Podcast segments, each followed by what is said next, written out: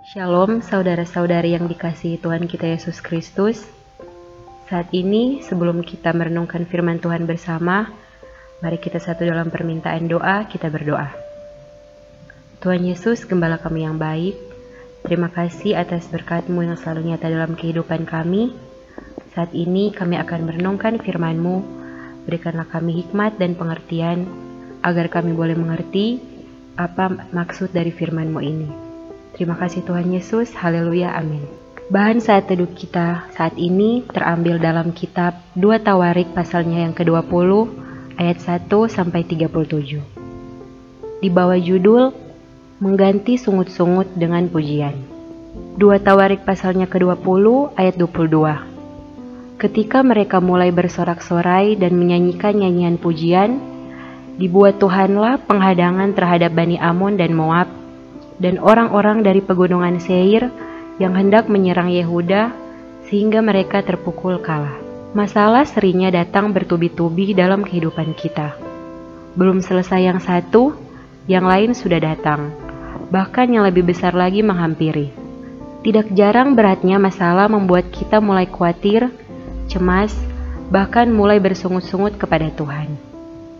Namun, marilah kita belajar dari Yosafat dan bangsa Yehuda Raja Yosafat dan seluruh rakyat Yehuda pernah menghadapi permasalahan yang bertubi-tubi.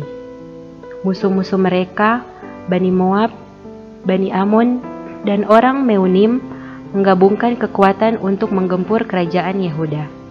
Secara manusia, bahaya yang menghampiri mereka itu terlampau besar untuk dapat mereka atasi.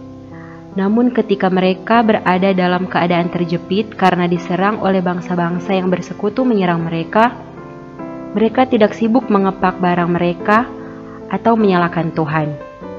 Yosafat memilih untuk mencari Tuhan bersama seluruh rakyatnya. Ia berpuasa dan mengarahkan pandangan kepada janji dan pertolongan Tuhan.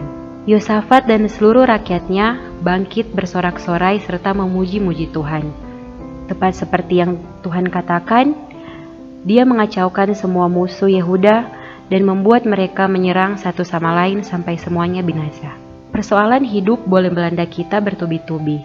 Beratnya dan besarnya persoalan boleh membuat kita merasa tak berdaya, tetapi janganlah takut.